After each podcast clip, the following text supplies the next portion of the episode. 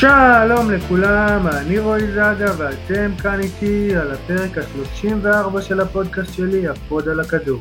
גם היום אנחנו ממשיכים את uh, סדרת הפרקים הנפלאה שאתם כל כך אוהבים, קריירה בשעה, שזוכה לכל כך הרבה פידבקים חיוביים ואני באמת מאוד מאוד מעריך את זה. והיום אנחנו ממשיכים עם כדורגלן שהוא ממש פורץ דרך בעיניי, שחתום על כל כך הרבה רגעים משמעותיים ומעניינים בכדורגל הישראלי. ושחקן שתמיד מעלה חיוך אה, לחשוב עליו או לראות סרטונים מהקריירה שלו, ברוך דגו. אהלן ברוך, מה שלומך? אהלן מעולה, תודה, מה שלומך אתה? אני בסדר גמור, מתרגש מאוד uh, לארח אותך כאן, אחרי כל האורחים המכובדים שהיו, עוד שם גדול שכנראה כולם התרגשו לשמוע אותו. Uh, אז אני רוצה, אנחנו תמיד בסדרה הזאת של הפרקים מתחילים דווקא מהסוף. מה אתה עושה היום? ספר לנו קצת. היום אני uh, מנהל מקצועי וחבר הנהלה של uh, קבוצת הבוגרים, קבוצת אוהדים, מכבי עירוני אשדוד בליגה א', זה בעצם הקבוצה שגדלתי בה, ששם גם עשיתי את הפרישה שלי. בנוסף לזה אני גם מנהל מקצועי שלקחתי על עצמי לפני כמה חודשים, עוד לפני ממש הקורונה, את מחלקת הנוער של uh, גן יבנה. וככה, בגלל שזה קרוב לי אחד לשני, אז ככה אני מסתדר ואני מנווט את זה בצורה הכי טובה כדי לעשות את העבודה לצד הטוב ביותר. וזהו, כמובן, בין היתר עובד במפרשן בערוץ הספורט, אה, ליגת על לנוער אה, כל שבת. אה, לפני הקורונה גם כמובן הייתי עושה את המגזין לנוער, מקווה לחזור כשנעבור את התקופה הזאת. מעולה, אז אנחנו נדבר, אפשר להתחיל בעצם לדבר על הקשר שלך לעירוני אשדוד, שבה התחלת, אבל עוד לפני כן אני רוצה לדבר על אה, משהו שאומנם פחות קשור לכדורגל, אבל חשוב שנדבר עליו, זה בעצם העלייה לארץ, עלית בגיל שמונה, נכון? לפי מה שקראתי? עליתי כן, משהו כזה בגיל שבע וחצי, שמונה. בגיל שמונה? וה... כן. וההתאקלמות בארץ הייתה, איך היא הייתה פשוטה יחסית, או שהיו בטח קשיים גם? אה, תראה, הייתי קטן יחסית, אז uh, אני חושב שלהורים שלי הקושי היה יותר uh, גדול. אה, עלינו מישראל, כשעלינו מאתיופיה לישראל, עלינו למרכז אה, קליטה בבאר שבע, שם בעצם גרתי שנתיים אה, עם ההורים, ולאחר שנתיים שהיינו במרכז קליטה ולמדנו כמובן באולפן, את כל מה שצריך, עברנו לאחר מכן לאשדוד, ובעצם שם התחלתי את כל העניין של הסיפור שלי עם הכדורגל. עד לפני זה כמובן גם באשדוד זה היה יותר בשכונה, אה, יותר אה, ככה בחלומות, אה,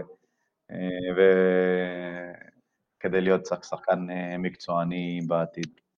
אבל ידעת שאתה רוצה להיות כדורגלן כבר עוד באתיופיה, שהיית ילד, או שרק בארץ הבנת? כן, אבא שלי, תשמע, זה עובר בגנים איפשהו, אבא שלי היה שחקן כדורגל עוד שהיה בצעירותו, שהוא גם התגייס שם, שגייסו אותו לצבא שם הוא היה משחק כדורגל בצבא, ואני זוכר את עצמי גם משחק בשכונות שם, מה זה בשכונות? בכל ה, כל המקומות שהיה אפשר לשחק בהם, אבל אני זוכר את עצמי מגיל קטן משחק כדורגל כל הזמן בשכונה, בעצם גם הכדורגל תמיד אה, אה, חיבר אותי מול אה, ילדים, מול חברים, בכל מיני שכונות, כשהם ראו שאני יודע לשחק טוב, אז תמיד בחרו אותי בבחירות, וזה בעצם, זה היה, זה כאילו היה ההיכרות אה, של חברים אה, דרך הכדורגל. וכן, אני ראיתי את עצמי תמיד, אה, כמובן, חלמתי להיות שחקן מקצועני, זה בטוח. והצטרפת ל... דיברת שגם באשדוד התחלת עוד לשחק ברחוב, ומתי הצטרפת בעצם לקבוצה, למכבי אשדוד, למכבי עירוני אשדוד? אה, שיחקנו, תמיד היינו משחקים בשכונה, היינו עושים התערבויות אה, שכונה נגד שכונה, כמו כל ילד שבעיקר אה, מה שהוא היה עושה ברוב זמנו, בין אם הוא משחק כת רגל, בין אם הוא משחק כדורסל. אנחנו גדלנו, בוא נגיד לך, ברחוב, לא כמו היום הילדים שהם היום תקועים רוב הזמן במחשב או פלייסטיישן או כל מיני דברים. אה, ושם הגיע מאמן, עבר לשם אה, דרך השכונות, אה, בעצם הוא, חיפש כישרונות כדי לבנות לקבוצת נערים ג' בעירוני אשדוד בזמנו, והוא ראה אותנו משחקים בשכונה, אותי ועוד כמה חברים, ואז לאחר שסיימנו לשחק בעצם, הוא בא, פנה אלינו אם אנחנו רוצים, מעוניינים לבוא להיבחן. בעצם זה היה חלום שלי, כי לי לא היה את האמצעים ללכת ולהיבחן לבד, ולא יכולתי לנסוע לא היה לי את כל הדברים האלה, בעצם תמיד חלמתי שמישהו יבוא ויגלה אותי. זה אחד הניסים שקרו לי, ואני חושב ש... קוראים, קראו לו, זיכרונו לברכה, למאמן רפי אלבז, בעצם הוא, הרבה זכויות יש לו בהגשמת החלום שלי, של שהייתי שחקן מקצוען, ולרמות באמת הגבוהות שהגעתי אליהן. מדהים, אז לפי מה שאתה אומר בעצם רק בנערים ג' התחלת לשחק כדורגל מקצועני, שזה לגמרי. זה גיל 13, 14 בערך, אולי קצת יותר. 12 וחצי, 13, משהו כזה. שזה גיל יחסית מאוד מבוגר, ובערך שלוש, שלוש שנים אחרי כבר היית בבוגרים, שזה באמת מטורף. שלוש וחצי שנים, שלוש וחצי שנים אחרי הייתי כבר בבוגרים. אבל אני חושב שהניסיון ש, שכביכול היה לי בשכונות, הייתי תמיד נשאר, אם זה בבתי ספר, אם זה בתיכון שהייתי, תמיד היו מחפשים אותי איפה ברוך נמצא, תמיד ידעו איפה אני נמצא, בעצם היה להם קל למצוא אותי, תמיד הייתי מתאמן על עצמי, תמיד הייתי רואה, מחזק את ה... אה, אם זה אני שמאלי, הייתי מחזק את הרגל ימין שלי, הייתי מתאמן, הייתי כאילו, אתה יודע, זה מצחיק, אבל זה היה כאילו מין נבואה שהגשימה את עצמה, הכנתי את עצמי לקראת, אה, תמיד חלמתי, אמרתי, אני אגיע ל... ל לאיפה שאני צריך. אני תמיד אמרתי, כמובן, הרבה תפילות והרבה חלומות, הרבה דברים שציירתי במוח, שאמרתי לעצמי ש... אה, איפה אני רוצה לראות את עצמי בעתיד, ותמיד הכנתי את עצמי לקראת זה, בין אם זה שהייתי משחק בשכונה עם חברים, בין אם זה שהייתי משחק עם עצמי ובלהקפיץ, בלהתאמן, בלבעוט, הייתי עושה כל מיני דברים על מנת להיות מוכן, על הצד יותר במקרא וברגע שיהיה לי את ההזדמנות באמת להראות את עצמי ולהוכיח את מה שאני יודע, אז אה, שאני לא אתן לברוח, לברוח מזה, וזה בדיוק מה שקרה, כשאני, שבעצם אה, רפי אלבז בזמנו בא, הגיע ואמר לנו לבוא להיבחן, יום למחרת, זאת אומרת, זה היה קודם כל בשבילי כמו זכייה בלוטו. וואו.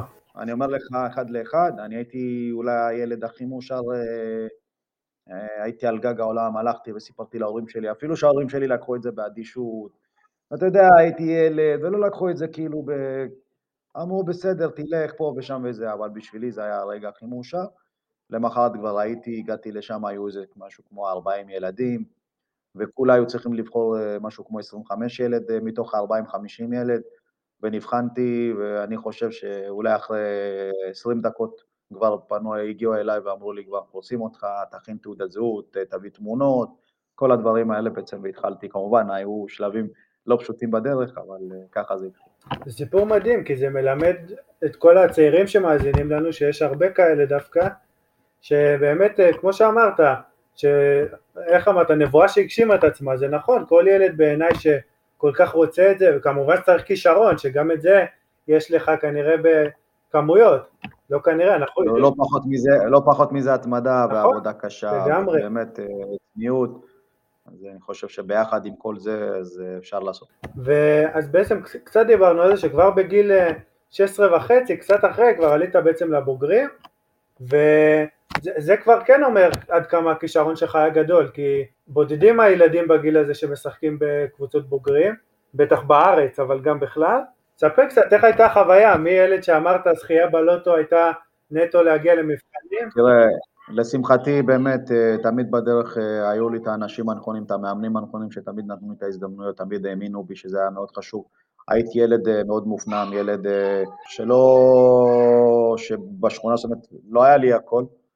זה כאילו לא היה לי הכל מבחינה כלכלית, אבל היה לי הכל מבחינת הצניעות, מבחינת הענווה, מבחינת החינוך שקיבלתי בבית. כל עד, אני חושב שאלה דברים בסופו של דבר עזרו לי גם להתגבר על הקשיים בהמשך, כל ההתמודדויות עם כל העניין של אה, הקינה, עם כל העניינים של לפעמים היו כל, כל מיני דברים, גזענות או כל מיני דברים, קללות כאלה ואחרות שהייתי עובר אותם כנער, אבל פיתחתי לעצמי אור של פיל עוד כשהייתי ילד בשכונות, אז ככה שזה עזר לי להתגבר בהמשך, ובגלל זה גם אה, לאותו, אני, אני זוכר שעליתי בגיל 16 וחצי, משהו כזה לבוגרים, היה להם קל פשוט לקחת אותי ולזרוק אותי, כמו שאומרים, לים, וידעתי לשחות אה, בצורה הכי טובה ולהתמודד אה, עם כל הבוגרים, ולשמחתי גם שחקני הבוגרים שהיו בזמנו, כמו אני זוכר נאור גלילי ויגאל זריאן ואמיר תורג'מן, ובאמת הרבה שחקנים טובים, ואייל אלמוש נינו, אני לא אשכח אותם, כי הם קיבלו אותי באהבה וחיבקו אותי ופרגנו לי, ובאמת נתנו לי את כל ההרגשה הכי טובה כדי להביא את הכישרון שלי, ואיפשהו גם צריך הרבה מזל בשביל זה כדי שתוכל להצליח, ולשמחתי, כמו שאמרתי, המאמן לא פחד לתת לי את ההזדמנות, והאמין בי, בזמנו, אני זוכר, זה היה ניסים בכר וניר לוין, ובעצם אה, הרבה בזכותם, אה, יש להם חלק גדול בתחילת הקריירה שלי. אני חייב להגיד שגם אחיך מסאי, שהוא כבר מאמן כבר כמה שנים, שאולי נדבר עליו יותר בהרחבה בהמשך, אה, אני, אני תמיד אמרתי את זה שהוא התחיל לאמן, שרואים כמה חשוב לו לתת לצעירים הזדמנויות, וכנראה שיש פה קשר בין הסיפור שלך למה שהוא עושה כמאמן, וזה באמת יפה לראות ומאוד מאוד חשוב, וסיפור שלך מסביר עד כמה זה חשוב בעצם שנותנים בעצם לילד את ההזדמנות ועוזרים לו. בעצם אה, אז הקבוצה הזאת, עירוני אשדוד, אה, שיחקת בערך שנה. שנה וחצי, נכון? שנתיים? ואז היה את האיחוד הזה, אחרי בערך שנתיים, נכון? הייתי בעירוני אשדוד, אה, בעירוני אשדוד הייתי משהו כמו נראה לי שנה וחצי. שנה וחצי, כן. כי עליתי כאילו באמצע העונה, ואז היה כמובן את האיחוד. שיחקתי שם שנה באיחוד, ואז בשנת, בשנת 2000... 2000 עברת למכבי, ואני רוצה לדבר קצת על הקבוצה הזאת, המאוחדת, שזה סיפור שאני לא, לא קורה הרבה בעולם, ובטח בארץ, אני אז הייתי בן שנה בערך, כן, אבל אה, איך הייתה הרגשה, אה, כמובן היום אנחנו עוד רואים את זה יותר, כשקמו מחדש הקבוצות האשדודיות, אה, איזה דרבי חם יש בעיר, ואני משער שגם אז הייתה ההרגשה הזאת, ממש כמו שראינו למשל אתמול בדרבי של חיפה, או שרואים בדרבי תל אביב, שוב, בכל הדרבים האלה, והדרבי האשדודי, כן. אתה תספר, אבל אני אומר, רואים את זה, אז איך הייתה הרגשה דווקא הפוך, שפתאום מאחדים את הקבוצה, ופתאום אין לך את העירוני, את מכבי אשדוד, אלא זה אתה משחק כקבוצה אשדודית אחת. איך הייתה ההרגשה הזאת, איך אתם הרגשתם? תראה, אחד הדברים שבאותו זמן, באותם שנים, מכרו לאוהדים של מצד שתי הקבוצות, זה הסיפור של יהיה איחוד, והמועדון יהיה מועדון אה, בסדר גודל כמו מועדון, המועדונים הגדולים, ויתמודד על תארים ואליפויות. בעצם קנו את האוהדים כדי לאחד, לאחד את שתי הקבוצות, ולאורך הזמן אה, אותם אוהדים משני צידי המתרס ראו שזה לא הכיוון וזה לא באמת אה, אה, הסיפור פה, ויום אחד התעוררו לחיים והחליטו בסופו של דבר כן להקים את שתי הקבוצות, הן אה, הפועל אשדוד, אדומים אשדוד שהם קוראים להם, וכמובן מכבי עירוני אשדוד, אה, והקימו אותם מחדש, כי אני זוכר עוד שהייתי ילד, זה היה... אני לא זכיתי לשחק בדרבי אמנם, כי אנחנו היינו בליגה לאומית בזמנו, זה היה כביכול ליגת העל, עוד לפני שליגת העל הייתה קיימת, זה היה ליגה, הליגה הראשונה הייתה ליגה לאומית, והפועל אשדוד היו ליגה ארצית בזמנו, או ליגה א', אני לא זוכר בדיוק. אה, אני לא זכיתי בדרבי, אבל אה, עוד כמה שנים, עוד שהייתי ילד, שהיו משחקים את זה, פשוט איצטדיון מפוצץ, וזכיתי לשחק בדרבי כשחזרתי הפרישה בליגה ב', כן, בי"א, כל הי"א היה מפוצץ, זה היה משהו מטורף. היום מה שמ"ס לא יכולה לעשות את זה בחיים, כי בסופו של דבר אה, כל אוהד, אה, אוהד מזוהה בצבע מסוים, אי אפשר לבוא לקחת מאוהד שמזוהה עם צהוב, להגיד לו תשים אדום, או מאחד שמזוהה עם אדום לשים צהוב, למרות שנשכו שפתיים אותם אוהדים ואמרו, הלכו בשביל הקבוצה, אבל ברגע שמי שמנהלים של המועדון הזה הראו להם שזה לא המצב, וזה לא, המועדון הזה לא הולך לשום דבר, וזה... אה, אותם אוהדים, התאכזבו ונפגעו קשות, שהם עשו את הצעד באמת הדרסטי הזה של להקים את הקבוצות אה, לחיים בחזרה, והיום רואים את זה, רואים את זה אפילו שאנחנו בליגה א', אה, גם אדומים אשדוד בליגה א', רואים, אמנם היום כרגע בתקופה הזאת אין קהל, אבל כשיש קהל מרגישים אותו, באים המון אוהדים. אני זוכר בזמנו שהיה לכם את המשחק העלייה באילת, לדעתי אתה עוד שיחקת אז, היה באמת שיחקתי, שיחקתי בעלייה המליגה. היה באמת תמונות מדהימות. זה היה אחרי זה, אחר כך פרשתי. כן, המשחק. המשחק האחרון באילת. אז אני רוצה אבל רגע, שנישאר עוד בעונה הזאת, היה שם אה, שני סיפורים, קודם כל המשחק הראשון שלכם היה ניצחון 6-0 של הקבוצה כאילו המאוחדת של מ"ס אשדוד, שבמשחק הזה גם כבשת וגם בישלת וזה אנקדוטה נחמדה, ומה שעוד מעניין שבהתחלה שיחקו בתכלת הרי וכתוצאה מ...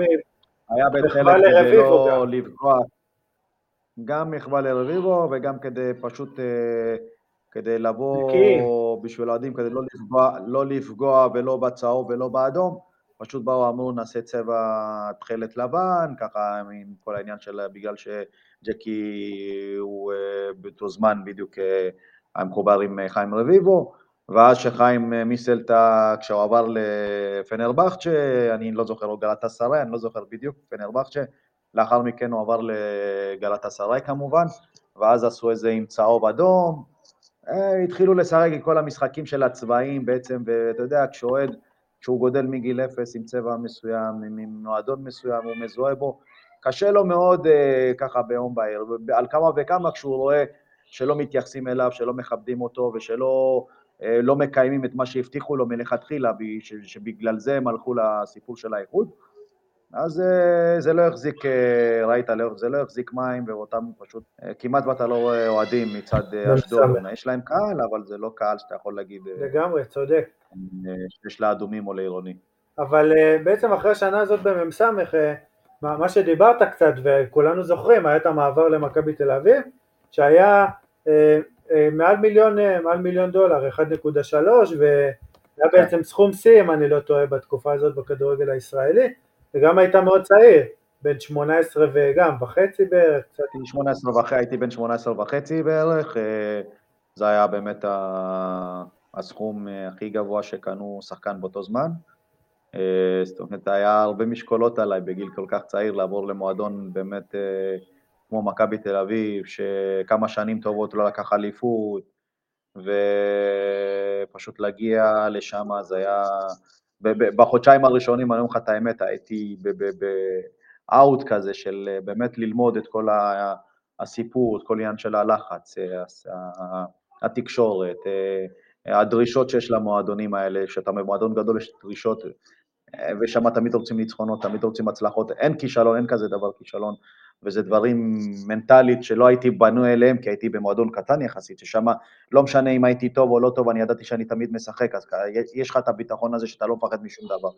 אבל מצד שני, כשאתה מגיע למועדון גדול, שם כבר יש שחקנים שהם ברמה שלך, על כל תפקיד שני עוד שחקן, אתה צריך להתמודד עם הרבה הרבה קושי, אם זה עם הקהל, תקשורת, הציפיות שמצפים ממך, זה המון לחץ שאתה צריך לדעת ללמוד, לדעת ללמוד להתמודד איתו, ובהתחלה היה לי נורא קשה, אני לא אשקר לך, אבל לאט לאט, באמת, לשמחתי ולמזלי, בדיוק אה, באותו זמן היה את הסיפור עם אבי נימני ושלמה שרף, אם אתה, אם זכור לך, כן. וכתוצאה מזה ששלמה שרף עזב, ואז ניר לוין אה, כביכול מונה, ניר לוין בעצם זה שתמיד אותך בעירוני. נתן לי את הצ'אנס בעצם, יפה, כן, בעצם הוא מכיר אותי הכי טוב, הוא יודע בדיוק איך לבוא אליי ואיך אה, לכוון אותי, הוא בעצם היה באמת, אה, עטף אותי בחום ובאהבה, הוא בעצם היה, היה מין מאמן, פסיכולוג שלי, שעזר לי מאוד איך להתפתח בצורה נכונה ואיך להביא את, הכישר, את הכישרון שלי ואת היכולות שלי אה, למכבי תל אביב בצורה הכי טובה, והוא נתן לי את ההרגשה כאילו אני בעירוני אשדוד, זאת אומרת,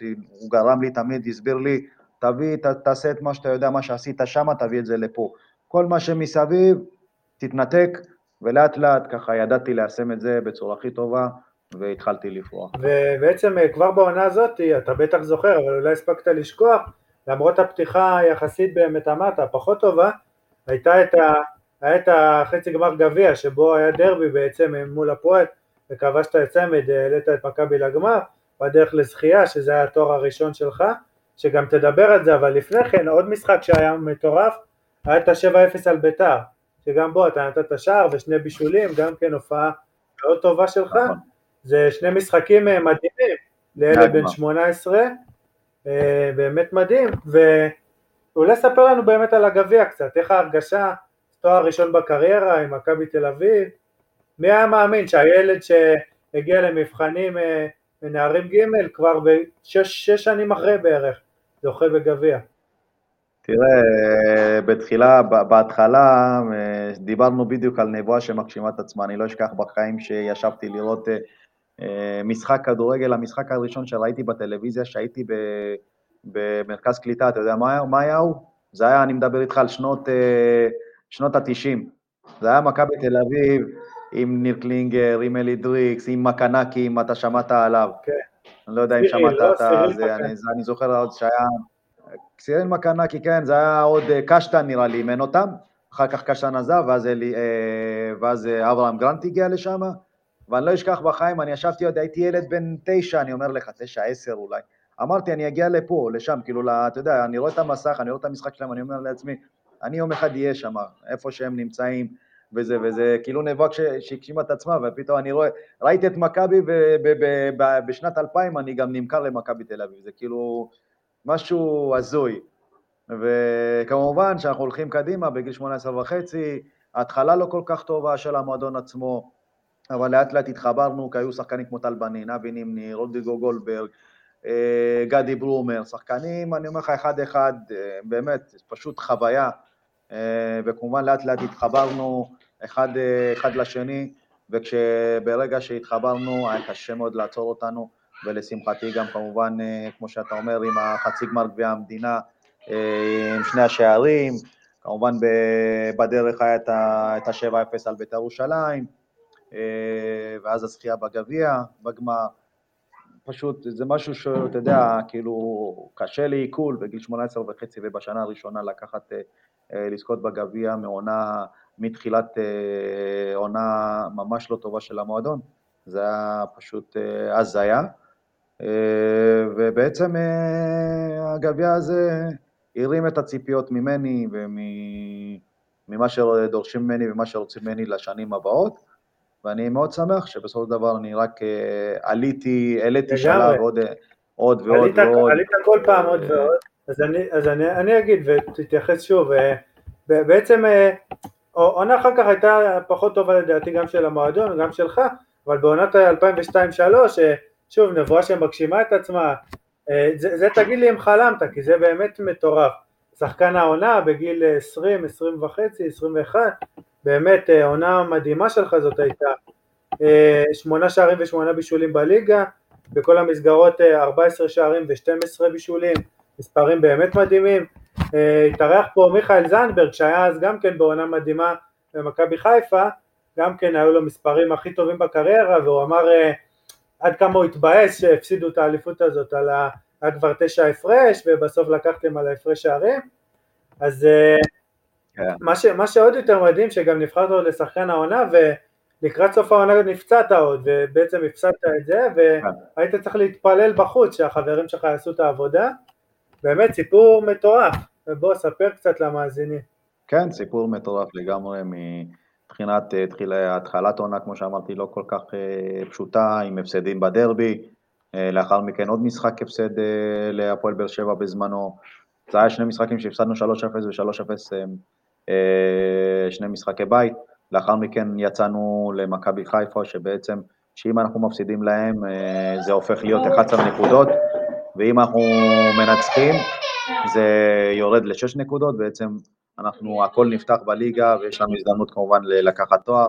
אני לא אשכח את התקופה הזאת, תקופה שבאמת המון המון לחץ, המון מתח, אה, פשוט כמובן הכנסנו, תכניס את התפילות של באמת לא נסיים את העונה, כי ידענו שאם מכבי חיפה מנצחת אותנו ונהיה 11 נקודות, יהיה לנו קשה מאוד אה, אה, להתקרב אליהם. לשמחתי, באותו משחק חוץ עלה, עלינו, ניצחנו 3-2 שם בקריית אליעזר, וצמצמנו לשש, בעצם עשינו סריה אולי של 6-7 משחקים, שבתווך מכבי חיפה איבדו נקודות, אנחנו לא, אה, בעצם עקפנו אותם, ומשם פשוט אה, לא עצרנו, לא הסתכלנו אחורה. אה, לקראת סוף העונה כמובן שברתי את הרגל, זה היה מאוד מאוד מאכזב ומאוד כואב, זה היה אחד הרגעים הכי קשים שלי היה בקריירה. לשמחתי, חברים שלי באמת ראו כמה אני רוצה את התואר הזה, כמה אני, מה עשיתי, זה לא רק במשחקים, אתה יודע, אם זה באימונים, אם זה בחדר הלבשה, הרבה דברים מסביב, כמה התאמצני, כמה עבדתי קשה כדי שבאמת נביא את התואר הזה למכבי תל אביב, מה גם שידענו שהמועדון הזה לא זכה בתואר אה, אליפות אה, כל כך המון שנים, אז ככה שהם היו מחויבים אה, לעשות את זה, ולשמחתי זה מה שקרה. איפשהו גם, כמו שמיכאל אמר, לקחת את האליפות על, על הפרש שערים באותו זמן, זה לא קל, אבל אני שמח כי הגיע לנו, כי היינו לאורך זמן, היינו קבוצה הרבה יותר טובה, הרבה יותר איכותית, הרבה יותר אה, יציבה, ולשמחתי גם המזל היה איתנו, וזו הייתה אליפות באמת מרגשת, שבאותה עונה גם סיימתי כשחקן העונה, כל השערים והבישולים, בעצם אני יכול להגיד גם באותה עונה, אם אני לא שובר את הרגל, יכול להיות שאני גם, מה זה יכול להיות? ברוב הסיכויים הייתי אמור לצאת כבר לשחק באירופה כבר לאחר אותה עונה. לצערי, השבר ברגל עצר את ההתקדמות שלי, כי הייתי בשיקום של שמונה חודשים, שהשיקום הזה עשיתי אותו, התחלתי אותו בבולוניה, באיטליה, ששם בעצם עשיתי שיקום לאחר הניתוח שעשיתי באיכילוב, ועד שחזרתי לעצמי לקח לי עוד איזה לפחות שלושה-ארבעה חודשים. במכלול, עד שחזרתי לעצמי זה היה שנה פלוס, וזה לא פשוט ככה, לא היה לי קל. אני שמח, בסופו של דבר חזרתי לאט לאט, עבד, עבדו איתי הרבה מבחינה פסיכולוגית, מנטלית, כי היה לי פחד לחזור לשחק ולעשות מה שאני יודע, ואני שמח שבסופו דבר לאט לאט חזרתי לעצמי. ועוד איך חזרת לעצמך?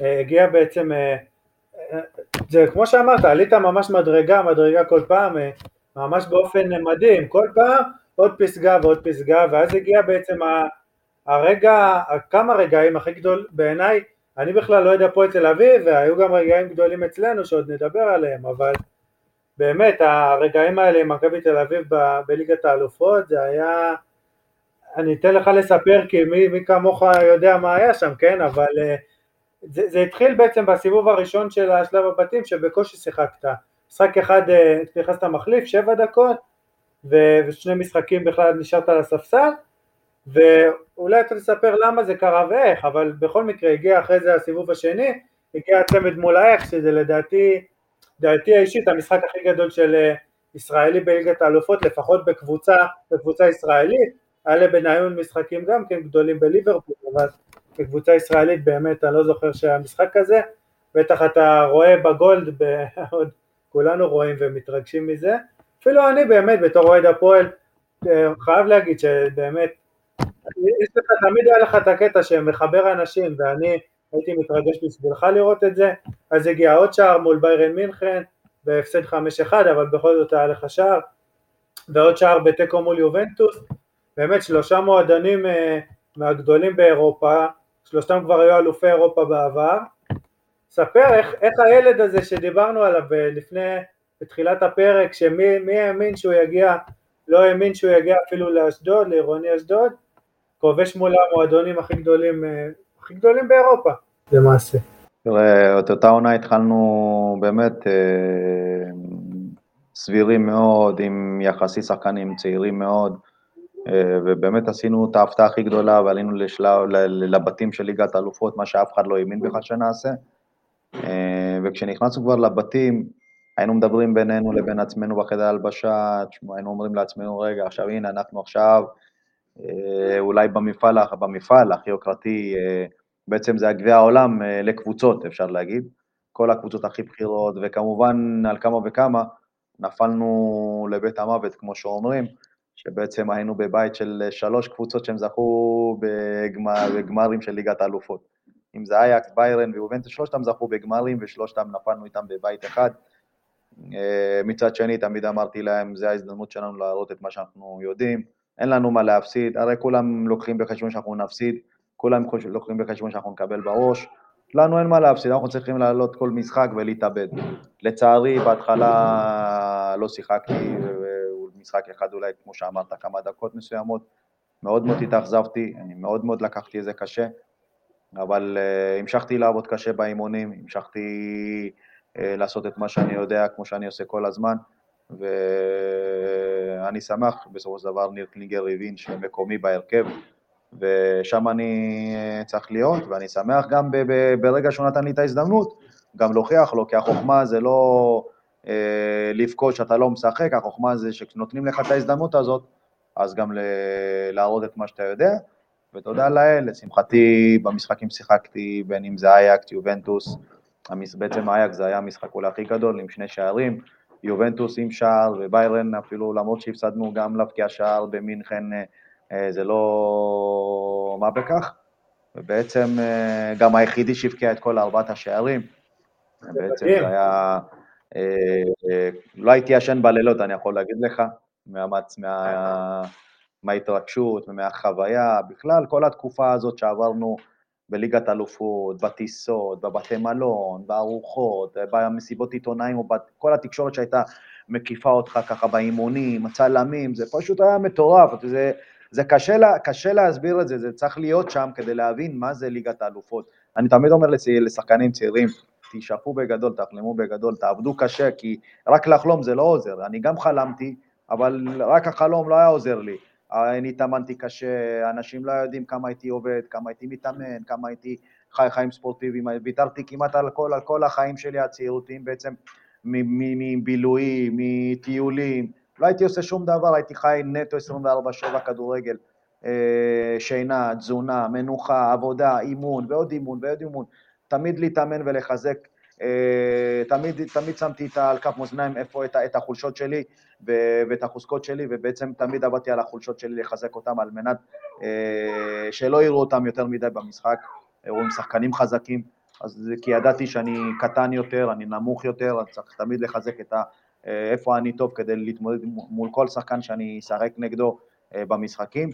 ובעצם הכנתי את עצמי שמה, כמו שאני אמרתי לך מההתחלה, הכנתי את עצמי למקומות הכי גבוהים, וכשהגעתי לשם פשוט לא נתתי לברוח, לא נתתי לזה לברוח, אמרתי לעצמי כל משחק שהייתי עולה, אני עולה ולא משנה מה, לא חושב כלום, פשוט שמתי את המוח שלי באיזשהו אולד כזה, והתנתקתי מכל העולם, עם המסביב ומהקהל, מכל החמישים אלף שהיו באותו, באותו זמן במשחק אה, באיצטדיון רמת גן אה, מול אייקס, או יובנטוס, או ביירן מינכן, ופשוט אמרתי לעצמי, ברוך, תשחק כמו הילד שהיית, כמו בשכונה, תעשה את מה שאתה יודע ברגע שיש לך הזדמנות, כמובן בתוך זה יש את כל העניין של הטקטיקה, העמידה, האחריות, העבודה הקשה, אבל במקומות מסוימים שאתה יודע שאתה אה, אתה צריך להביא מעצמך, שם תעשה מה שאתה יודע, ת, ת, תעשה דברים בצורה הכי טובה, ואני, לשמחתי, בורכתי, באמת בורכתי להבקיע את ארבעת השערים, זה, זה משהו שילך איתי לכל החיים, ואני רואה, מראה את זה עד היום לילדים שלי. בצדק. אה, או ילדים שאני מתעסק איתם היום במחלקות נוער, שהם לא יודעים בכלל, יש ילדים שהם לא נולדו, לצער, אין מה לעשות, הם לא מכירים בכלל, ברגע שאני עושה להם, לפעמים עושה להם אספות במועדון, ואני מעלה להם ככה מהיוטיוב ורושם להם, אתה יודע, ברוך דגו מכבי תל אביב, אה, אפילו שעברתי להפועל תל אביב, היה לי את המשחק הכי הגדול שלי נגד גלאסגו רנג'ל ונגד חטאפה, שהבקעתי שם שערים גם כאלה. לא... כל הדברים האלה פשוט, אה, זה וואו אחד, זה משהו שהוא בלתי, וזה ילך, בלתי אפשרי, וזה ילך איתי. אבל אה, אם דיברת קודם שלפני הפציעה היית קרוב מאוד להגיע לאירופה בעצם, והפציעה הרסה, אז אה, אחרי, אחרי הקמפיין אני משער שכן הגיעו הצעות, אז מה, החלטת להישאר בארץ או שלא היו הצעות אטרקטיביות מספיק? מה היה הסיפור שם? מי שכובש כל כך הרבה שערים באמת הופעות כל כך טובות, אני בטוח ש... אני חושב, ב... כן, באותה תקופה אני חושב שיותר האשמה היא עליי. אני חושב שלאחר שהבקעתי ארבעה שערים הייתי צריך לדרוש באמת לעזור ולהתעקש אה, למצות את כל האופציות, ההזדמנויות שהיו לי לאחר ארבעה ארבע שערים שהיה לי בליגת אלופות, אבל איפשהו לא התאמצתי מש, מספיק, זאת אומרת הסתפקתי ונשארתי ב, ב, במקום הנוח הזה של להישאר במכבי תל אביב, אה, וזה אני חושב הטעות שלי, לצערי. זה צניעות אה, גם, צניעות שמלווה אותך כל הקריירה, שכנראה לא, לא נלחמת כל כך באמת אה, להגיע יותר רחוק, כי באמת כמו שאמרת, היה לך נוח. צודק, צודק, צודק לגמרי, אני חושב שלא נלחמתי מספיק, לא, זאת אומרת היה גם קל לשכנע אותי, כי ניר קינגר לא רצה לשחרר אותי, המועדון מכבי תל אביב לא רצו לשחרר אותי, והם פשוט עשו הכל וזה, ואני לא נלחמתי בחזרה, כי אם הייתי נלחם בחזרה, אני חושב שכן הייתי יוצא לשחק באחד המועדונים הבכירים, ב, ב, אם לא הבכירים, לפחות ב-level השני, אה, אני בטוח בזה, אבל אני, פה אני מאשים את עצמי, פשוט uh, הלכתי עם הנוחות, נשארתי, ולא נלחמתי לא עם ניר ולא עם לוני באותו זמן, ועם הבעלים, וזה, כן, הפסד, הפסד גדול שלי. בסדר, אני שמח, כי בזכות זה אתה הגעת בעצם אחר כך כן. אלינו, להפועל תל כן, אביב, אבל לפני שאני אגע בזה, אני, אני הכנתי לך חידון קצר על הקריירה שלך, אספתי נתונים על הקריירה מכל uh, שילבתי עם הרבה מאוד אתרים, גם מחו"ל, גם מהארץ, וכל מיני חמש שאלות שעשיתי לכל האורחים שהיו כאן, כל אחד כמובן על הקריירה של עצמו, ונראה מה אתה זוכר. אז השאלה הראשונה, מי השחקן בקריירה שלך ששיתפת איתו פעולה בהכי הרבה משחקים? כמובן מהבוגרים והלאה. טל בנין? אה, אז התשובה זה לירן שטראובר האמת, 146 משחקים. נכון, לירן שטראובר. אה, זו שאלה יותר קלה, אני משער שאת זה אתה תדע. מי, המאמן שאימן אותך בהכי הרבה משחקים? ניר קלינגר. אז נכון, זה היה יותר קל, ניר קלינגר 103 אה, משחקים. מי, הקבוצה שמולה כבשת הכי הרבה שערים? בליגה? בכלל, בכלל, כולל בכל... בני יהודה? זו שאלה יותר קשה. בני יהודה? אז התשובה האמת היא הפועל ראשון לציון, אה. תשעה שערים. אוקיי. גם העונות בלאומית וגם בליגה שאל שהם היו. מי הקבוצה שניצחה אותך הכי הרבה פעמים? שאתה היית ב, בכל הקבוצות והפסדת לה הכי הרבה פעמים? ביתר? יפה, בינתיים אתה טוב. ביתר 17, 17 פעמים. ושאלה אחרונה, מי השחקן, בעצם היריב שפגשת הכי הרבה פעמים, ששיחקת מולו הכי הרבה פעמים? רגע, שיחקתי מולו הכי הרבה פעמים, תן לי לחשוב. זה, מתקשר לבני יהודה האמת, ש, אה, שאמרת. מי, אה, אסי, אה, אסי בלדות אולי? אה, כפיר אדרי. כפיר אדרי? כפיר אדרי. אה, כפיר אדרי. 29 משחקים, היה לכם אחד מול השני, אז בסך הכל אבל אה, נתת פה בסך הכל אה, תשובות יפות, וכל אחד צודק בשתיים, שלוש, זה באמת קשה לזכור מה היה כן. כל כך הרבה שנים אחורה, אבל אה, בוא, נחזור ל, בעצם להגעה שלך להפועל תל אביב, אז בעצם מה שאני זוכר בדיעבד וגם קראתי קצת באינטרנט, באותה תקופה גם אחיך בעצם היה שייך להפועל, הוא היה מושאל כל הזמן, אבל הוא היה שייך להפועל, והאם היה לזה בעצם איזשהו שיקול בעצם להצטרף לקבוצה, או שזה לא היה קשר בכלל לאחיך?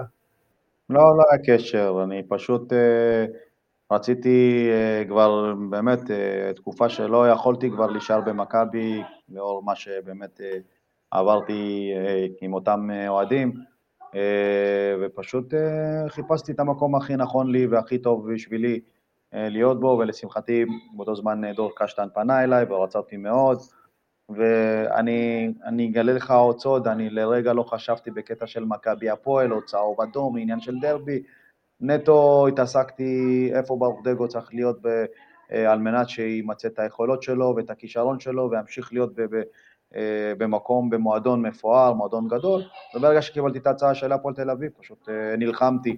אה, אם לא נלחמתי לפני זה שהיה לי הצעות מחו"ל, באותו זמן, לאחר ליגת האלופות, הפעם לא יכולתי לוותר, כי מכבי מבחינתם היו מוכנים לשחרר אותי לכל מקום, רק לא להפועל, אבל אני לא ויתרתי הפעם, כי ידעתי שהפועל יכול להיות מקום טוב בשבילי, מקום שאני אקבל את האהבה, את הפרגון, את כל מה שאני צריך. ולשמחתי בסופו של דבר הם ראו שאני רציני, הם ראו שאני לא אוותר, הם ראו שאני עדיף לשבת בבית ואם אני לא משחק, אם אני לא אהיה בהפועל תל אביב, עם כל הלחימה ועם כל הרצון שהם יקשו עליי בצורה שאנשים לא יודעים בכלל, בסופו של דבר אה, אני שמח שכן הסתדר אה, לעבור להפועל, ובעצם אה, ככה התחלתי. וגם אצלנו בהפועל היה לך, אני אומר אצלנו, בתור אוהד, היה לך באמת, אומנם מספרים היו פחות יפים מהתקופה במכבי, אבל היו, היו הרבה מאוד אה, בעצם אה, פסגות שהגעת בקבוצה, אה, בעצם שלושה גמרי גביע רצופים, שהשלישי אנחנו אולי נזכיר, היה קצת פחות משמח, נכון. אבל בעצם שני גביעים רצופים שזכית בעונות הראשונות, ו- והזכרת את זה קודם. השתתפות גם, השתתפות גם בבתים של נכון. הליגה האירופאית, עם ניצחון בפארק דה פרנס, ניצחון על גלסגו רנג'רס, בחטאפה, היו רגעים מאוד מאוד אה, טובים, יוקרתיים ומצוינים, אבל אתה יודע, כשעברתי להפועל תל אביב, גם הייתי צריך להרגיל את עצמי, תמיד כשאתה עובר ממועדון למועדון, אתה צריך להרגיל את עצמך אה, למאמן שאתה מתאמן אצלו, למועדון שאתה מגיע אליו, זה דברים תמיד חדשים שלפעמים לוקח זמן, וזה לא היה פשוט בהתחלה, אבל עם האהבה שקיבלתי, פשוט, אה, גם אם לא הייתי, היו משחקים שהייתי בינוני ולא הייתי כל כך טוב, אבל הקהל כל כך אהב אותי ופרגן לי שהייתי כל משחק מתאבד ונותן את, את החיים שלי בשביל, אה, בשביל הקהל וגם בסופו של דבר גם בשביל להצליח. בסופו של דבר אני שמח שבתום כל עונה התמודדתי בין אם זה, אם לא אליפות, אז זכיתי בגביע, כמובן שנתיים רצוף, בשנה השלישית אמנם הפסדנו בגביע, אבל בין לבין גם השתתפות בליגה האירופאית וניצחון הכי גדול. בוא, בוא נתעכב על זה, בוא נתעכב על זה רגע, דיברנו על הצ'מפיונס, מה שעשית, וכנראה שאתה, למרות שלא שיחקת באירופה, שיחקת גם בקפריסין שעוד נדבר, אבל זה לא בפסגות הכי גבוהות, אבל אה, במפעלים האירופאים משהו כנראה נדבק בך, כל פעם ש, ששיחקת הקבוצות היו, באמת נתנו, גם מכבי זה היה קמפיין מדהים עם הניצחון על אייאקס והדקו, נכון. ובהפועל תל אביב, הזכרת את זה בקטנה, הניצחון בפארק דה פרנס זה אחד ההישגים הגדולים גם כן. אחד ההישגים הכי גדולים, לגמרי, אני תמיד כשמדברים איתי, על ליגת אלופות, אני תמיד אומר להם, אתם, אתם לא מבינים בכלל, אבל אה, יש גם הישג גדול, אמנם לא הבקעתי שער באותו משחק. היית מאוד משמעותי גם פה, היה לך, הייתי שותף מלא. בהרבה התקפות היה לך מה שנקרא מעורב בהתקפה, מעורב במהלך. כן, הייתי שותף מלא לגמרי במשחק הכי גדול שבחיים לא, אף אחד לא חלם שאנחנו ננצח 4-2 בפארק דה פרנס מול 70-80 אלף אוהדים, אה, אה, אם אני לא טועה. אה, וזה היה הישג...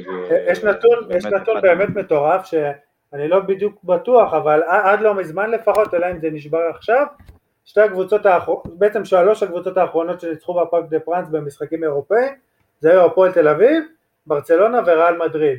זה מראה לך עד כמה ההישג הזה באמת מטורף לחלוטין.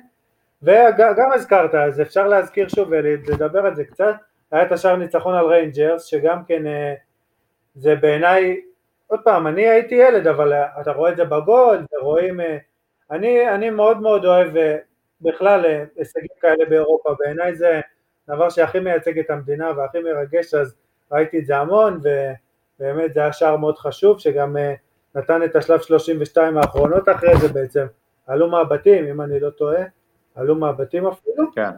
וגם השער מול חטאפה בדרך לניצחון, שפה אני חייב לתת לך אנקדוטה מאוד מצחיקה, שבדקתי ככה לקראת הפרק, בכל המקומות באנגלית שחיפשתי, כתוב שמי שכבש את השער, מסאי, אח שלך, ככה הם כותבים.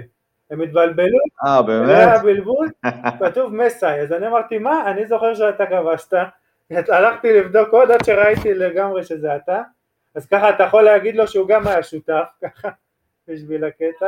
באהבה אני מוכן לתת לו, בכיף. ובאמת, זה באמת מדהים, אה, ממש כל, שתי קמפיינים, בעצם שלושה, זה הגול מול חטף היה שנה אחרי, אם אני לא טועה, בעצם כן. שלושה קמפיינים שהקבוצה ממש נותנת קמפיין מעולה, ואתה לוקח חלק משמעותי, זה באמת, בעיניי יחד עם העונה הזאת של האליפות של מכבי, זה כנראה העונות, אה, או ההישגים הכי גדולים בעיניי בקריירה שלך, אה, אבל אחר כך הגיע בעצם המעבר למכבי נתניה, היה בהפועל, אתה יודע מה, כן צריך לדבר על זה כי אני פחות אוהב, וגם כנראה שגם אתה, צריך לדבר על הגמר גביע הזה ש... שהיה בו את ההחמצה, ואולי תספר לנו את, ה... את הצד כאילו החיובי, איך מתאוששים מזה, הרי זה כנראה לא קל, ואתה עברת מספיק דברים בקריירה גם... כן, תראה, חלק מהסיכונים לשחקן כדורגל, חלק מהסיכונים ששחקן כדורגל לוקח, בעיקר כשמשחקים בגביע המדינה או גמרים, אבל כמה וכמה אה, שאתה מגיע לפנדלים, אז uh, זה חלק מזה שאתה בועט, יכול להיות שאתה תצא גדול, אתה תצא מלך, ויכול להיות גם שאתה תפסיד אותו, ואתה תאבד גם uh, גביע והקבוצה וכל השאר יכולים לבכות בגללך. לצערי, אמנם לא בגללי נטו, כי אחריי גם בעט ראובן עובד, בעצם הוא החמיץ, אבל תמיד זוכרים את ברוך, כי ברוך הוא זה שבולט כל הזמן, ברוך הוא זה שברוב המשחקים משחק, אז תמיד, uh, אבל לי אין בעיה, זה הסיכון שלקחתי על עצמי. החמצתי, זה חלק מהכדורגל וחלק איזה. כמובן שהיה לי מאוד קשה שבועות, אה, לפחות אני אומר לך גם חודשים, אה, כי זה לא פשוט להחמיץ בגמר גביע, שאתה יודע שאם אתה מבקיע אתה גם מנצח. אה, אבל לאורך זמן ראיתי שחקנים יותר גדולים מברוך דגו מחמיצים, אם זה רוברטו בג'ו, רוברטו בג'ו בגמר גביע ב-94, אם זה הרבה שחקנים אחרים, ורונלדו ומסי, כולם מחמיצים, לא ברוך היחידי, לא זה שיחמיץ ויפקיע, זה הכדורגל, זה חלק מהמשחק, לטוב ולרע. ומי שלא, שלא, תמיד אמרו לי, הרבה מאמנים גדולים, בין אם זה, אם זה אלי גוטמן וקשטן וניר קלינגר וניר לוין, באמת כל מי שהייתי, שיחקתי אצלם, תמיד אמרו לי, שחקן שלא לוקח סיכונים, לא יכול אה, להגיע לפסגות, אין מה לעשות.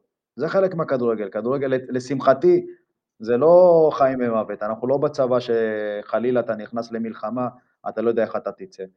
אז הפסדת, אה, סובל קצת, כואב, צובט הלב, כואב על, ה, על האוהדים שבאים וכואב להם ובאמת אה, הולכים עם הקבוצה ו, וכשאתה מחמיץ כואב לך, כאב לי יותר עליהם מאשר עליי. אני ידעתי שאני אתגבר ואני אעבור את זה.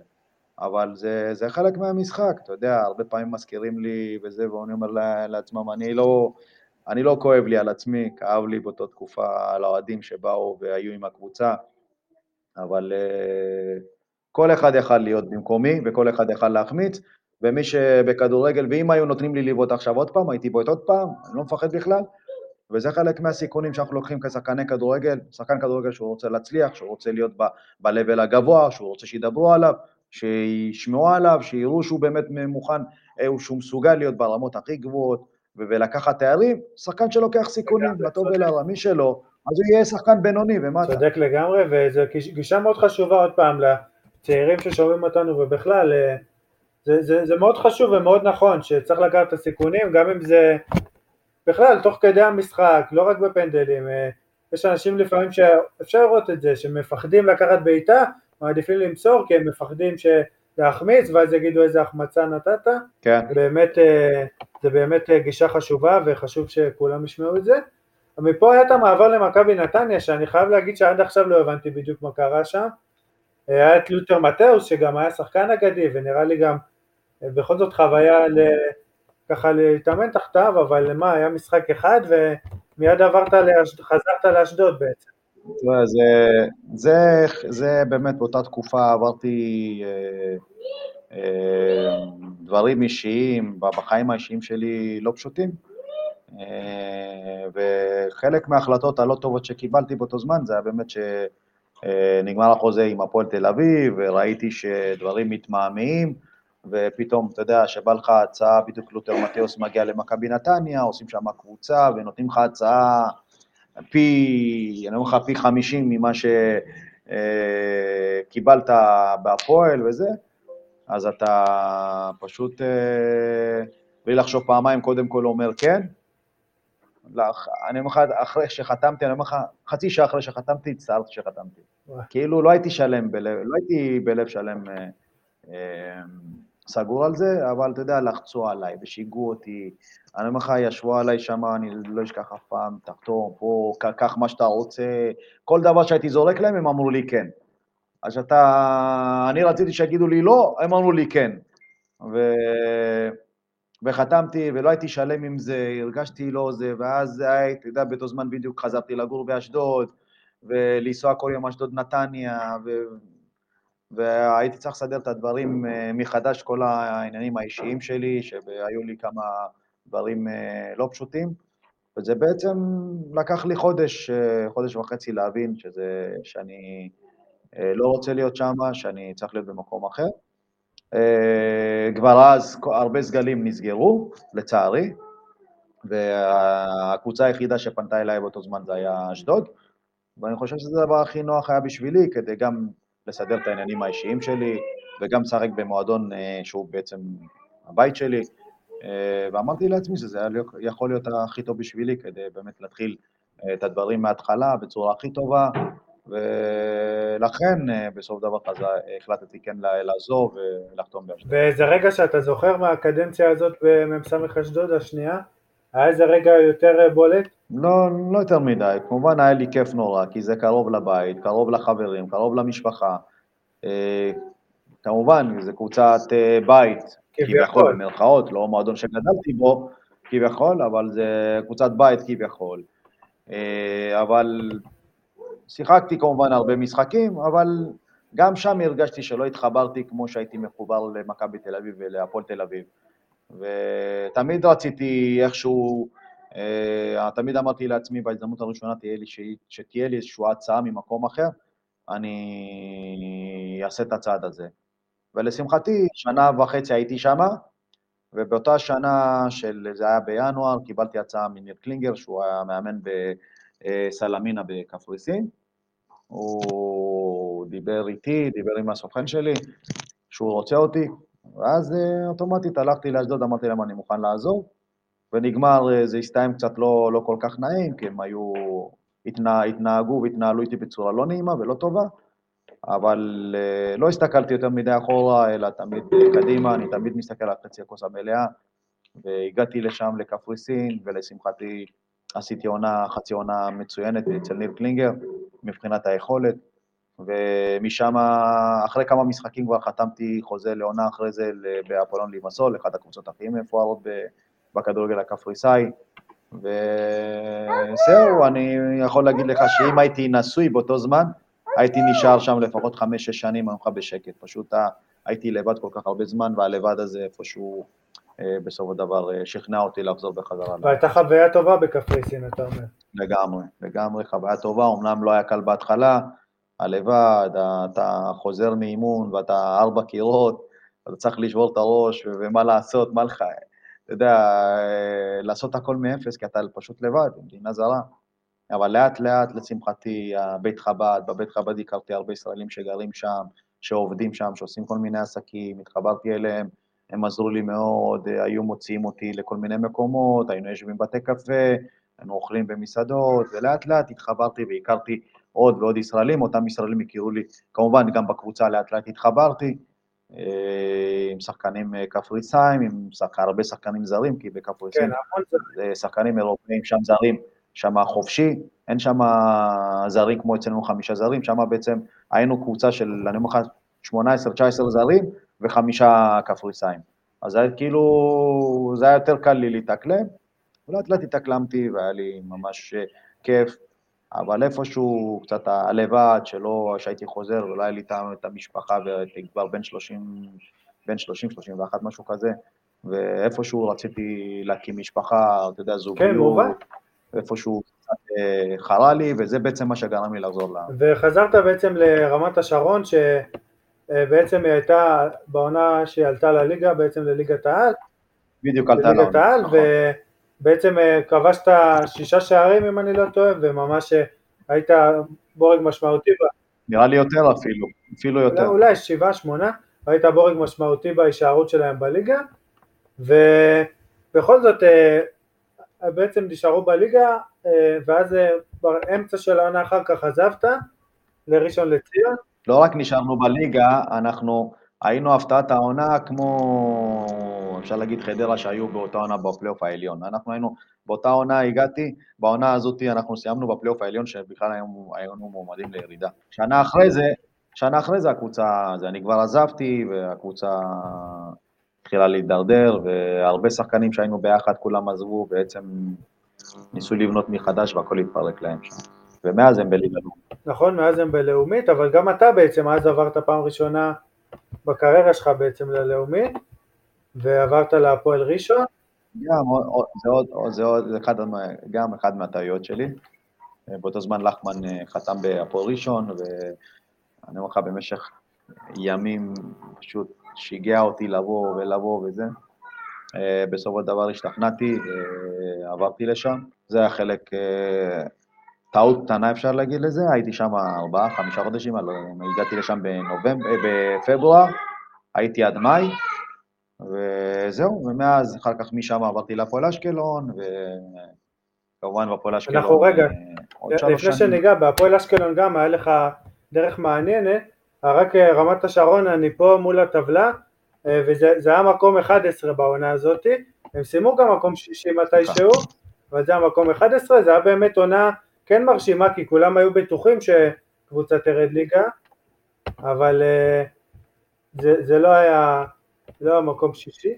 אה, אוקיי. בכל מקרה, זה בכל זאת היה הישג מאוד מרשים שהקבוצה, כולם היו בטוחים שהיא תרד, הייתה סומנקה יורדת הראשונה, היו שלוש יורדות אז בעונה, לא, שלוש יורדות כן, כי צמצמו את הליגה עוד והכל, באמת זה ההישג אה, יפה, אבל על, על אשקלון אני רוצה טיפה להתעכב, אנחנו קצת uh, מתקרבים כבר לאזור השעה, אבל צריך לגעת באשקלון שבעצם הגעת uh, uh, לקבוצה שהיא גם כן הייתה בלאומית עדיין, והייתה בלאומית הפועל אשקלון, ואז הגיעה אפילו הירידה לליגה א', וזה בעיניי משהו שמסמל הרבה בכלל על הקריירה שלך ועל על איזה, איזה בן אדם מקצוען אתה, וכמו שדיברת בתחילת הפרק קצת על, ה, כמה הרצון הזה להשתפר וכמה זה היה משמעותי, בעצם מהרגע שהקבוצה ירדה לליגה א' היו הרבה שחשבו שיכול להיות לה בעיות ולהתפרק ואני לא יודע מה דיברו אז להישאר בליגה א' בעצם,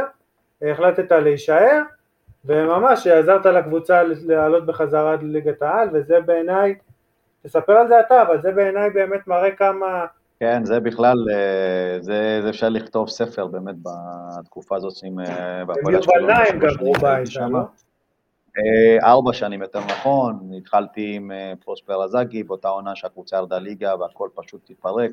לאחר מכן העירייה לקחה את הקבוצה בחזרה ובעצם יובל נעים הביאו את יובל נעים התחלנו באמת, אה, בנו מחדש את הקבוצה, הביאו שחקנים טובים, ליגה א', וכשבסופו של דבר החלטתי כן להישאר בליגה, בליגה א', איתם עם הפועל אשקלון, כולם אמרו, מה, אתה תגמור את הקריירה, אתה עדיין, יש לך, אתה יכול לשחק בליגה לאומית, ליגת העל, אה, אתה יודע, הרבה דיברו והרימו גבה, אבל אני כל כך, כאילו, כשאני, אני, כשאני לא שלם עם משהו, אני קם והולך, אבל כשאני שלם איתו, אני לא מעניין אותי באיזה ליגה זה יהיה, אני, אם אני אשלם בלב שלי, אשלם ב-100%, אני הולך איתו עד הסוף, ככה כמו הסוסים ששמים להם את הזה, והולך, עובד קשה וממשיך קדימה בלי לראות אף אחד ובלי להקשיב לאף אחד.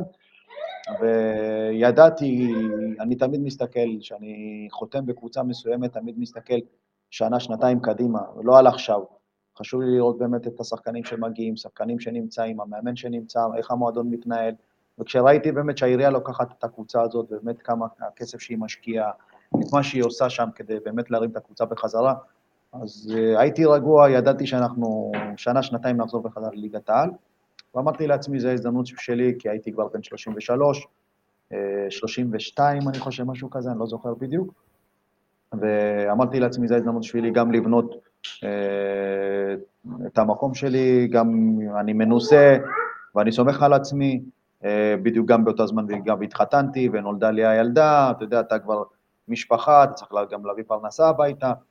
אה, לכן בסופו של דבר החלטתי כן להישאר, ובאמת, אני, זה פשוט נס מה שקרה לנו.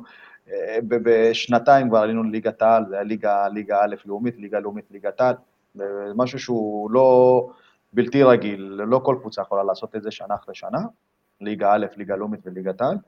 וחזרתי בחזרה לליגת העל בדלת uh, הקדמית, כמו שאומרים, ושיחקתי שנה אחת בליגת העל עם הפועל אשקלון, ואז, אתה יודע, ישבתי עם עצמי בבית, אמרתי לעצמי, כבר אני בן 35, 35 אה, וחצי, ותמיד אמרו לי, אתה יודע, כל עוד אתה יכול, תרצה, למה כשאתה תרצה, אתה לא תאכל. אז uh, לכן, בסופו של דבר, החלטתי uh, שאני יכול, וכל עוד אני יכול, זו ההזדמנות בשבילי להחזיר בחזרה למועדון שגדלתי בו. בדיוק הקימו את הקבוצה, את האוהדים, מעירוני אשדוד, הקהל, רובם הם חברים שלי שגדלתי איתם בשכונה, ופשוט אמרתי לעצמי, זה הזמן הנכון לחזור לשם, גם לבנות את העתיד שלי, לבנות יחד את המועדון הזה ביחד, וגם להחזיר לו על מה שהם נתנו בשבילי במחלקות נוער, שלא לקחו ממני שקל, ובעצם לא היה לי כסף לשלם למחלקת נוער, הרי היום אתה יודע שכל ילד משלם למחלקת נוער, ולי לא היה לי את הכסף הזה, בעצם הם לא לקחו ממני מגיל 12 אה, שהתחלתי לשחק שם, עד שהגעתי לבוגרים, שעשיתי את החוזה בוגרים שלי הראשון, לא לקחו ממני שקל, בעצם בשבילי זה היה התרומה הצנועה שלי להחזיר בחזרה ולפרוש שם במועדון הזה, ואני שמח אה, היום שאני גם נבחרתי, התמודדתי להנהלה, נבחרתי חלק מהחמש, אחד מהחמש חברי הנהלה, ואני מנהל מקצועי, בעצם אני מתווה את הדרך, אה, אם זה באימון, עם משא ומתן עם שחקנים, כל מה שקורה כרגע היום. אה, נראה שמיים הגבול, אני... זה התפקיד שאני מאוד מאמין בו כמנהל מקצועי, אם אני גולש קצת לתחום האימון והניהול. אה, יותר, פחות כמאמן, יותר בקטע של מלמעלה, כן, בבנייה, ב... ב... לבנות אה, ולהביא את הדרך שלך, את האני מאמין שלך, כדי באמת, אה, אה, איך, איך מועדון צריך להתנהל, וזה תפקיד שהוא מאוד מאוד מתאים לי. ואני מאוד נהנה מהתפקיד הזה היום. וכמובן, רוצה להתקדם מהתפקיד הזה, להמשיך להתקדם ולהגיע לרמות הכי גבוהות בתפקיד הזה. ומה ש, שיפה פה זה שגם אה, בעצם כשעברת לעירוני אשדוד, במקביל היית מאמן, אה, מאמן בנוער של אשקלון, נכון? וכשהיית בעצם שחקן באשדוד, אז היית מאמן בנוער של אשקלון, ו... ו... ואחר כך גם, אה, גם כן היית עוזר מאמן בעירוני אשדוד. לא, לא הייתי עוזר מאמן, הייתי שחקן, והייתי מאמן בנוער שם, ואז שנה אחרי זה ראיתי שזה כבר הפריע לי יותר בקטע של שאני לא יכול גם לאמן וגם אה, לשחק בעירוני, זה התנגש לי עם שעות אימונים, משחקים, של דבר החלטתי לעזוב את אשקלון והייתי צריך לבחור, או לעזוב את עירוני או לעזוב את אשקלון. ובעירוני ראיתי את העתיד שלי מעבר לכדורגל, לכן בסופו של דבר החלטתי לעזוב את הנוער של אשקלון ולהישאר כשחקן באותה עונה, ואז פרשתי, אה, אחרי שהפרישה שלי, כמובן עזבתי את עירוני אשדוד, אה, לא הסתדרו שם דברים, לא, ברגע שאני לא יכול להביא את מה שאני יודע ואת הניסיון שלי, כל מה שלמדתי בכדורגל, לא יכול להביא להם, וראיתי שזה לא מה שהם רוצים ממני, אני לא מחזיק את עצמי באף מקום בכוח, לכן עזבתי לשנה אחת, בשנה האחרונה חזרתי בחזרה. כן, אז גם הספקת... אמרתי, אם לא, כן, אם לא, אמרתי, אם לא רוצים אותי באימון, אני אבוא להם דרך ההנהלה, ונבחרתי בהנהלה. אז אה, חשוב רק לציין שגם עברת במכבי שעריים בעצם, שם היית עוזר מאמן, נכון? זה שם, נכון, נכון, וגם אחרי הפרישה המשכת לשחק בקבוצה שאמרת שהיום אתה מנהל מקצועי של הנוער שם. כן, בליגה ג', בליגה ג', אני משחק, אני עוזר. זה בכל זאת מדהים בעיניי כמה התשוקה הזאת למשחק, שבכל זאת להמשיך בליגה ג', אתה כאילו אומר שפרשת, אבל בתכלס אה, עדיין המשכת כן, פרשתי מליגה, פרשתי ממשחק מקצועני, כן, פרשתי ממשחק מקצועני, אבל אה, ליגה ג', אני יכול להגיד לך שאם אני באמת אה, נכנס לעניינים ופה ושם, אני גם יכול לשחק בליגה ב' בשקט. אבל זה לא מה שאני מחפש, אני, אם אני לא משחק כמקצוען במועדונים, באמת כמו ששיחקתי בהם, אז אני מעדיף לבוא ולתת מעצמי במועדונים קטנים. מאוד מאוד חשוב. וככה אני עוזר גם בגן יבנה. לגמרי. אה, לפני שנתקדם אה, בעצם לקראת הסוף לשאלות של המאזינים, יש לי עוד כמה שאלות שלי, שאני בעצם, זה פינה קבועה שאנחנו עושים בכל, אה, עם כל אורח.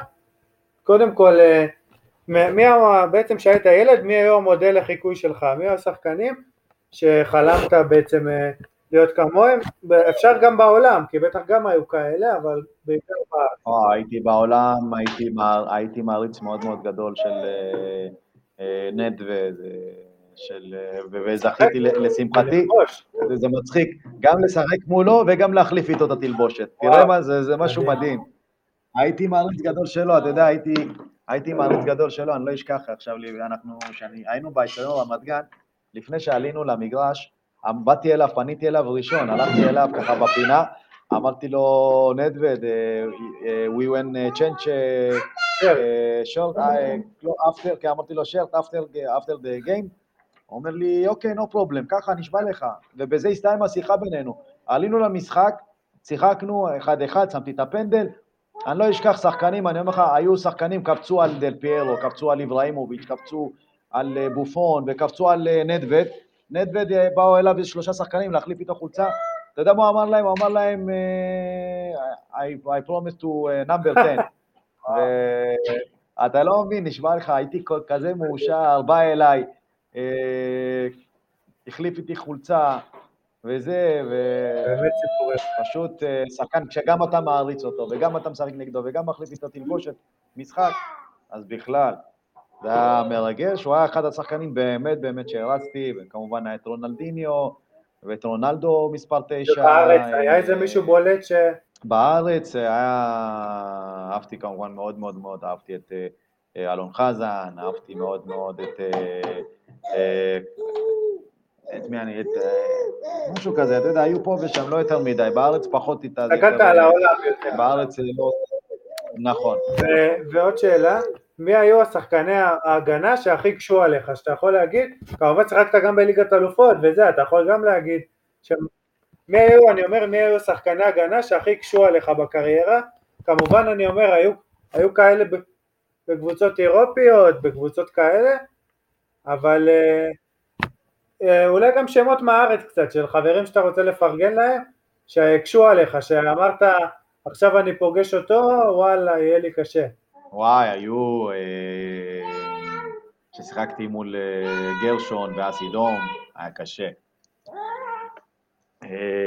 כששיחקתי אה, מול נגד יוסי אבוקסיס, היה קשה מאוד. היה אחד השחקנים הכי קשים לשחק מולו. היה נותן אה, מרפקים, זה באמת שחקן שאתה אומר לעצמך, אם אתה משחק נגדו, זה הכי קשה, וכשאתה, וכשהוא איתך בקבוצה, זה, זה השחקן הכי טוב שיכול להיות, שאתה יכול לשחק מולו. בחו"ל? וכמובן, את בנאדו, אה, בחו"ל, בחו"ל... זה מישהו ספציפי אבל שזכור לך? וואי, אני לא זוכר, אני לא זוכר את השם. אבל היה לי קשה נורא לשחק מול יובנטוס. ובכל זאת הצלחת לכבוש בפנדל. בכל זאת, כן, בפנדל, אבל היה נורא נורא קשה לשחק נגדם. פשוט היו קרנפים בצורה בלתי רגילה. כן, הייתה קבוצה באמת מדהימה. ושאלה אחרונה, שפה אתה יכול לפרגן ככה לחברים, מההתחלה, או מי, בעצם, אה, מי, מי החבר'ה שהיה לך את הכימיה הכי טובה איתם על המגרש? שידעת, אתה רוצה עכשיו למסור, איפה הוא יהיה אחר כך, או אה, שבעצם... הכימיה הכי טובה במכבי תל אביב, היה... אמנם לקראת הסוף אה, עם אבי נימני לא הלך כל כך טוב, אתה יודע, לא הסתדרו העניינים שם, אבל אני חושב עם אבי היה לי כימיה מצוינת עם טל בנין ורודריגו גולדברג במכבי תל אביב. אה, עם גילי ורמוט, סלים טועמה בהפועל תל אביב, אליניב ברדה, היינו חבורה באמת שם באותו זמן, חבורה שפשוט בעיניים עצומות ידענו כל אחד איפה הוא נמצא. וגם ראו את התוצאות ואת התארים שלקחנו. אלה השחקנים שפחות או יותר, ואני מצטער אם שכחתי מישהו, שחקנים שבאמת אה, אהבתי ונהניתי להיות לידם ולשחק היו כל כך הרבה, אז אה, מותר, גם אם שכחת מישהו, לא נורא. היו באמת כאלה, אבל נתת שמות באמת מרגשים. ובואו נעבור לשאלות המאזינים, ככה ממש לקראת הסוף. יש כמה שאלות. על, על חלקם ענית כבר, אבל uh, בכל זאת uh, נתן. Uh, יוסי לוי שואל, מהו מבחינתך השער הגדול בקריירה שלך? שאלה טובה. אין ספק בכלל, אמנם נפקדתי כל כך הרבה שערים גדולים, אבל השער הכי גדול שלי זה מול אייקס, ללא ספק. שער באמת נפלא. כן, השער הראשון מול אייקס. מעוז צור שואל, הוא בעצם אומר קודם כל, חולה על דגו, שחקן ענק שהיה מועמד לסלטה ויגו, ככה אומר, הפציעה הקשה גמרה אותו, כנראה לזה התכוונת. הוא אומר, הוא היה שחקן העונה ב-2002, כבש ארבעה שערים, את כל השערים של מכבי בצ'מפיונס, ונתן הופעות מעולות, ואז הוא שואל, ואז הוא שואל, אז איך יש לו רק שתי הופעות בנבחרת? שאלה טובה באמת. שאלה מצוינת, זו שאלה שתמיד כשחקן הייתי שואל את זה, אבל אה, היו דברים לא מקצועיים בנבחרת ישראל, אני חושב שאתם רואים אותם אפילו עד היום. אה, זה, בגלל זה אתם רואים את נבחרת ישראל לא, לא מתקדמת, לפחות בעיניי, לא מגיעה ל, ל, לשלבים גדולים למקומות שהם צריכים להיות. וביום שהנבחרת אה, תהיה מקצוע, אני, חושב שהיום זה הרבה יותר טוב מבעבר, אני חושב שבעבר היה הרבה יותר אה, גרוע, אני יכול להגיד לך, כי הייתי שם. שהעניינים של גזענות, היה יותר, היה לא הגיע לרמה הזאת. לא עניין של גזענות, לא חושב גזענות, לא, לא לרמה של גזענות, יותר לרמה של... חוסר. שמאמנים שבאותו זמן שאני הייתי, היה נוח להם אה, לתת לשחק לשחקנים שלהם, לשחקנים שהם אה, איתם בחברות, מאשר לשחקן שהוא היה טוב באותה תקופה. ולצערי זה מה שקרה לכן, היו לי שני הופעות במקום שיהיה לי 60 ו-70 הופעות. והוא שואל בעצם עוד שאלה מצוינת באמת, אה, האם הוא מגדיר בסופו של דבר את הקריירה שלו כפספוס או כהצלחה, לאור הציפיות ועם כל הפציעות שהוא עבר? אז מה אתה אומר? לא, אני בסך הכל, אני, אני חושב, אני, מצו, אני מאוד מסופק מהקריירה שלי, כי אני חושב גם צריך, אני צריך להודות לבורא עולם על הקריירה שעשיתי. אמרתי תמיד, שחקן צריך לדעת להסתכל על החצי הכוס המלאה, כי עם שבירת הרגל יכולתי גם לגמור את הקריירה, לשמחתי חזרתי והפקדתי את ארבע שערים בליגת אלופות, אז ככה שזכיתי גם בהרבה תארים, מה שהרבה חולמים לזכות בתארים, זה אליפויות, גביע המדינה, השתתפות בליגת אלופות, השתתפות בליגה האירופאית, אי אפשר להגיד שזה כישלון. עשיתי תארים מאוד מאוד מכובדים בקריירה, ואני לגמרי מסופק, למרות שיש לי תמיד שתי הנקודות האלה, שאם זה, שיכולתי להגיע לקבוצות יותר בכירות באירופה, ואם זה נבחרת ישראל, אלה דברים שכמובן אה, כואבים לי, אבל אני מאוד מאוד מסופק מהקריירה שלי. אז זה מתחבר גם לשאלה של גל זכריה, שהוא שואל בעצם האם הוא מרגיש פספוס שלא יצא לאירופה, אז זה בדיוק ענית על זה, אז רק נתתי את השאלה שלו. רותם זומרפלד שואל גם משהו שבערך ענית עליו, שואל למה הוא עזב את מכבי תל אביב, אז דיברנו בקטנה, אבל זה בגלל האוהדים בעיקר היה, נכון? מכבי תל אביב עזבתי כי, בוא נגיד לך, לא עזבתי, העזיבו אותי, יותר נכון, לא, הרבה לא יודעים את הסיפור. כשאני זוכר שאבי נימני חזר למכבי תל אביב, פשוט כמה אנשים עשו את הכל כדי שברוך לא יהיה במכבי, ולצערי לוני ארציקוביץ' נשבר מהלחץ של אותם אוהדים ששלחו אותם לעשות לי את המוות, לקלל אותי ולעשות לי אה, את כל הנעמות, את כל הקללות, ובאמת סבלתי נורא במשך תקופה ארוכה, ואני לצערי, אני אומר לך, אני מאוכזב שלא נלחמתי, אבל הם פשוט uh, עשו הכל כדי שאני אעזור, וכשאני אמרתי לך שאני לא, שלא רוצים אותי במקום מסוים, אני קם והולך, ואני שמח שהפועל תל אביב קיבלו אותי באהבה. אה, אז הדר לבני שואל שאלה שהאמת גם עליה דיברת, אבל אה, אה, בכל זאת הוא שואל איך זה היה לשחק גם במכבי וגם בהפועל תל אביב, איך זה התקבל והאם ההחלטה הייתה קשה, אז אמרת שלא ממש, אבל בכלל, בכלל לא הרגשת לחצות את הכביש? כן, אני אמרתי, אני לא הסתכלתי על זה כבאמת, עזוב, היו שם בעיות, אני לא אשקר לך. היו שם בעיות והקשו עליי נורא, כמובן זה עשה עד גדול מאוד, אני זוכר את זה, ועשה בלאגן, איך יכול להיות אה, שחקן מכבי עובר להפועל תל אביב, אבל אה, בגלל שלא כולם יודעים את מה שעשו לי במכבי תל אביב באותו זמן בפנים, אה, שלא רצו שאני אשחק במועדון גדול, ובעצם זו ההצעה הכי טובה. שהייתה לי מהפועל תל אביב, אז אה, אם הם היו, כל אחד שהיה במקומי היה עושה את אותה החלטה, ובסופו של דבר זו החלטה שקיבלתי. זה לא היה פשוט, כמובן, תמיד במשחקי הדרבי היה רעש מאוד גדול בגלל זה, אבל uh, אני שמח שבסופו של דבר uh, זה מה שקרה, וזהו, המשכתי ככה. והוא מוסיף עוד שאלה, uh, גם חשובה שלא מספיק דיברנו על זה, הוא שואל, האם יש או הייתה גזענות בכדורגל הישראלי כלפי בני העדה האתיופית, והוא מכוון לא רק בקהל וביציעים, אלא בתוך המועדונים. האם איפשהו בקריירה שלך הרגשת את זה שהגזענות פוגעת בך? כן, באחד, אני לא אשכח בחיים, באחד הפעמים שיצאתי לבלות עם חברים שלי, הגעתי למועדון בתל אביב, ואתה יודע מה הכי מצחיק? שאותו בעלים של המועדון הוא חבר, היה חבר שלי, מה זה היה? חבר שלי. ורשמתי את השם שלי פלוס נגיד ארבעה חברים שלי, אתה יודע שה... שאותה בחורה שעומדת בחוץ, רשום לה, הרי הן עומדות עם מחברת ויודעות שאני רשום, אני צריך להיכנס. והגעתי לשם, אמרתי לה את השם שלי. אני עומד שם, אני אומר לך, אולי 35 דקות, אומר לה את השם שלי, אני אומר לה, אני רשום, והיא מחבקת את המחברת ככה, והיא אפילו לא מסתכלת, והיא לא מכניסה אותי, וכשאחרים נכנסים, עוברים אחד אחרי השני. אה, לאחר חצי שעה, ואתה יודע, והכי מעצבן והכי כואב זה ש... התגובות של אנשים שנכנסים, מה, ברוך דגו, מה את לא מכניסה אותו, אתה מכיר את זה כן. שזורקים ועושים עוד יותר אה, מליטים, עוד יותר מעצבנים. ולאחר חצי שעה חבר שלי ראה במצלמה, הוא קלט שאני בחוץ ולא מכניסים אותי, אנשים נכנסו, והוא יצא החוצה ונכנסתי ועשיתי לה שם בלאגן שאתה לא מבין. בכדורגל עצמו, במועדונים עצמו. גם בכדורגל ברור. הרגשת את זה שזה בך הרגשתי את זה, הרגשתי את זה, פגע בי בהתחלה, אבל אחר כך כבר אמרתי לעצמי, התשובה הכי טובה זה על המגרש וזה באבקת שערים ובבישולים, ובעצם זו התשובה הכי טובה בשבילי. אה, צודק לגמרי, וחשוב אבל שדיברנו על זה, כי זה בעיניי נושא מאוד עצוב, שעד היום ב-2021 עוד יש את הגזענות הזאת, שזה בעיניי מטופש לגמרי, כל, כל בן אדם, בטח בתוך ישראל, כל בן אדם צריך להיות שווה, וזה עצוב שזה עוד קיים. אה, נסיים עם שתי שאלות אחרונות. אה, נועם אפשטיין שואל, אה, הוא שואל האם הוא מכוון לאימון בליגת העל, או אולי אפילו להגיע לאירופה, אז דיברת על הניהול המקצועי, לא על אימון, אבל היית חולם אפילו להגיע לאירופה בעצם כמנהל מקצועי? אני אמרתי לך, השאיפה שלי זה להיות מנהל מקצועי, כמו מנג'ר כזה של מועדון, של קבוצה. כרגע אני לא מסתכל יותר מדי בגדול, חושב על השנה, שנתיים הקרובות, ללמוד את עצמי, ללמוד עוד ועוד מהרבה קולגות שהם מתעסקים בניהול המקצועי, וזה כרגע מה שאני חושב.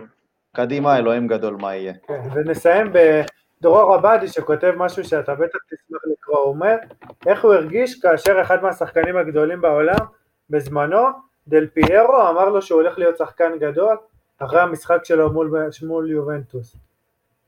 מה, מה אתה זוכר? וואי, זה היה, מרגש מאוד, חבל על הזמן. גם הילד מתרגש, כן. זה, זה היה מרגש מאוד, אני לא אשכח את המשפט הזה. זה דברים שהולכים איתי לכל הקריירה.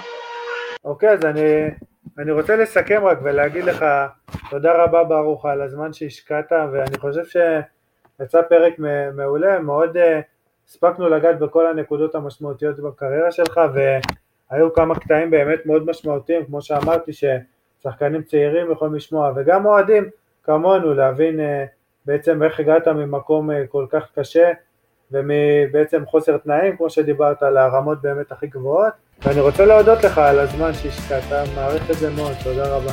תודה רבה רבה, היה לי הכבוד, היה לי כיף. נשתמע בעזרת השם, וכל הכבוד מה שאתה עושה, והיה כבוד הוא לי לדבר. תודה רבה, ברור, ובהצלחה לעירוני אשדוד, מאחל לכם.